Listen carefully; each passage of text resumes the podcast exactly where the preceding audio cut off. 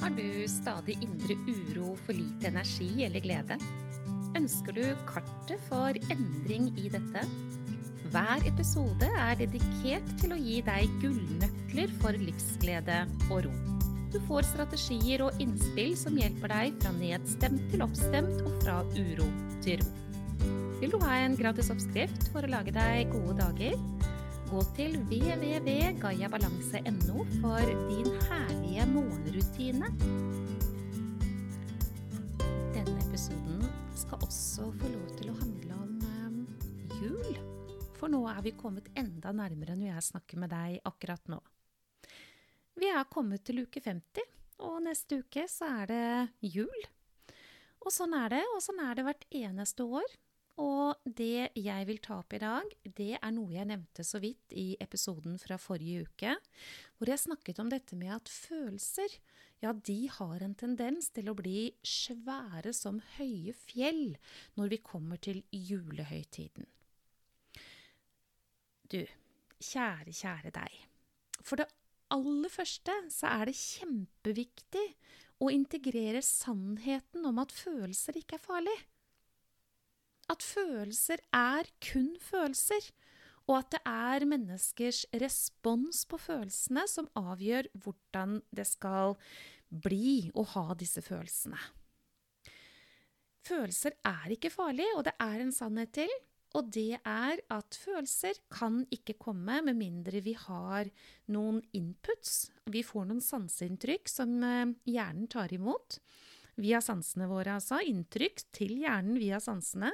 Som skaper tanker, men de er det ikke alltid vi blir klar over. Og så kommer følelsen. Og hvis denne følelsen er eh, kraftfull, eller eh, ikke så veldig kraftfull, men i hvert fall veldig kraftfull, ja, da kan du være sikker på at da kjenner vi den. Vi vet i dag at vi kan ikke ha følelser før vi har hatt tanke, men eh, så lenge vi mennesker har et sted mellom 65 og 85 000 tanker hvert døgn, så er vi jo ikke i stand til å fange alle disse tankene. Så det er massevis av tanker som går oss fullstendig hus forbi. Automatiserte er veldig mange av de. Og følelser ja, de går ikke fullt så hus forbi, eh, med mindre vi har lært oss til å undertrykke dem. Følelser er ikke farlig, og vi er nødt til å lære oss å møte følelser hvis vi skal ta godt vare på oss selv. Det er sånn at veldig mye underliggende stress som faktisk blir til uhelse hos mennesker, er undertrykte følelser. Jeg eh, har eh, en helsefaglig bakgrunn i det at jeg er utdannet sykepleier, men jeg er også utdannet lærer og terapeut i et fantastisk verktøy som har med dette med å ta stresset på alvor, nemlig medisinsk yoga. Og i den verden så ser man f.eks. på høyt blodtrykk. Ikke kun eh, som høyt blodtrykk i seg selv, slik og sånn, men også som undertrykte følelser. Det vil si at når mennesker ikke møter følelsene sine, setter ikke ord på, møter ikke 'dette er skummelt, vil ikke ha noe med det å gjøre', later som det ikke finnes, jeg trykker det ned, så kan det også komme til uttrykk som høyt blodtrykk. Og det her, det er en sånn hm, er det virkelig sånn da? I den eh, tilnærmingen vi har eh, for helse i denne delen av verden vi lever i, så er ikke dette en vanlig måte å tenke på. Men jeg har lyst til å dele med deg at jeg har snakket med ganske så mange mennesker med høyt blodtrykk, og som er medisinerte for det. Um, og så viser det seg da at det er massevis av følelser som ikke er blitt satt ord på. det har faktisk ikke slått feil enda. Men i alle fall, hvorfor er det sånn da at vi undertrykker følelsene våre? Jeg tror at det har en veldig enkel forklaring, og det er at vi mennesker, vi liker ikke ubehag. Vi liker velbehag, og ubehaget, ja, det er knyttet til noe som ikke er ok. Vi har nok en del i hjernen vår som sier at eh, vi skal ha det på best mulig måte, og at ubehag er eh, å oppfatte som en slags trussel. Og trusler ønsker vi jo ikke å omgi oss med, derfor så møter vi ikke følelsene våre og undertrykker dem. En enkel måte å si det på, men det spørs om ikke det er veldig mye der. Og så har vi det da, kjære venn, med jula. hvor følelser øker. Jeg vet ikke hvor mange mennesker jeg har møtt som sier du, Monica, nå er det den første jula, vet du, siden jeg mista mannen min. Eller noe fælt skjedde, noe som var veldig, veldig vanskelig, en ulykke eller annet, noe som ble virkelig som det ikke skulle. Nå kommer den første jula. Og mange sier også men Monica, bare jeg kommer meg gjennom denne jula nå, da går det bra. Men hva er dette for noe, egentlig? Er ikke det å nure opp under at det skal være ekstra vanskelig i jula, da? Er det nødvendigvis en sannhet, eller er det noe vi har skapt oss? Det er jeg litt nysgjerrig på. Men vi prater sånn på folkemunne, det tror jeg er veldig vanlig. Kanskje du har vært borti det, du også? Det er akkurat som at sorg, ja, det blir kjempesvært. Og det er jo ikke det at sorg ikke er til stede ellers, men da blir det ekstra vanskelig. Og så Heldigvis, da, hvis det er slik for, for oss at vi har glede, så er jo gleden også ekstra til stede i jula. Men eh, jeg tror ikke at den gleden klarer å overskygge sorgen hvis sorg er til stede. Og det er litt viktig å være klar over. Men igjen, hvordan møte denne sorgen, da?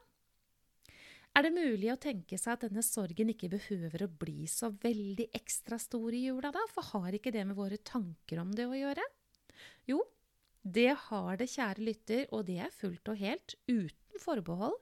Det er måten vi, du og jeg og alle tenker om det på, som gjør hvordan det blir. Og det er jo litt viktig å se, da, fordi det betyr jo at hvis man tenker litt annerledes på det, så blir følelsene rundt det ikke fullt på den måten som vi først tenkte oss det. Så du, kjære deg, du styrer jo veldig, veldig, veldig mye på egen hånd hvorvidt det skal være svært og vanskelig og stort og i det hele tatt veldig tungt, eller om det kan få lov til å være litt lettere. Og det er fullt mulig. For eksempel så går det jo an å ville tenke på de gode stunder hvis man har hatt et tap, da, om man skal igjennom denne jula. Og det er vel sånn for de fleste at den første jula er absolutt verst, men det kan jo være at jul videre fremover også blir ganske krevende fordi det har vært et stort tap. Men hva med å tenke tanken på la oss glede oss over det vi fikk, eller eh, hvor ville den som har gått bort, ønske for oss i dag? Vil vedkommende ønske at vi skal lide oss igjennom julen i resten av livet vårt? Eller skulle vedkommende ønske at vi så det på en annen måte? Omfavnet oss selv og valgte å se på julelys og spise julekake hvis vi har lyst til det, og være i det gode istedenfor. Jeg tror at jeg vet svaret på det i de fleste tilfeller, for de aller fleste mennesker, de ønsker andre vel. Vi ønsker ikke at noen skal lide. Og hvis jeg skal snakke på egen del, på egne vegne, så er jeg veldig sikker på at jeg håper at de som er etter meg den dagen jeg reiser, at de tenker at mamma eller Monica hun der, hun vil at jeg skal ta meg en dans, fordi det er det eneste jeg ønsker. Ja visst er det en sannhet i at følelser blir veldig store i jula, i høytider, men de blir jo ikke større enn du og jeg tillater. Og det har jeg så lyst til at denne episoden her skal få lov til å vekke til live hos deg, for det har noe med hvordan du møter det, hvordan du ser det, og kanskje du skal velge å lete etter en annen måte å se det på, så det ikke blir så tungt. Og husk nå også på at ja visst er det tunge på en slik måte at det blir eh, mer tungt for mange hvis man ikke er bevisst og oppmerksom og snur fokus. Men det gjelder jo heldigvis også gleden. Og når det gjelder gleden, så vil jeg jo veldig gjerne minne deg om at glede er også et valg. Og det går an å gå veien om takknemlighet.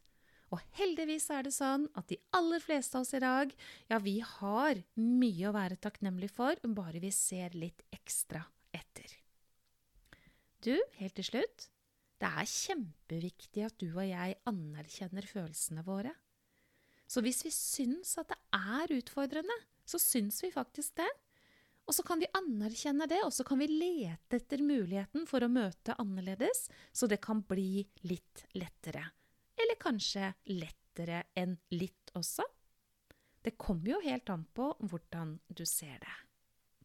Du, jeg ønsker jo at du skal ha gode dager i livet ditt, og jeg vet noe som du også vet, og det er at du er ansvarlig for hvordan du skal ha det i ditt liv. Og det går an å gjøre noen veldig enkle grep hver eneste dag. Jeg anbefaler å starte hver eneste dag på beste mulige måte, med fokus på hvordan det skal være å være deg, og det å fylle på med noe som hjelper til å balansere. Setter inn bremsen for stress og øker det gode istedenfor.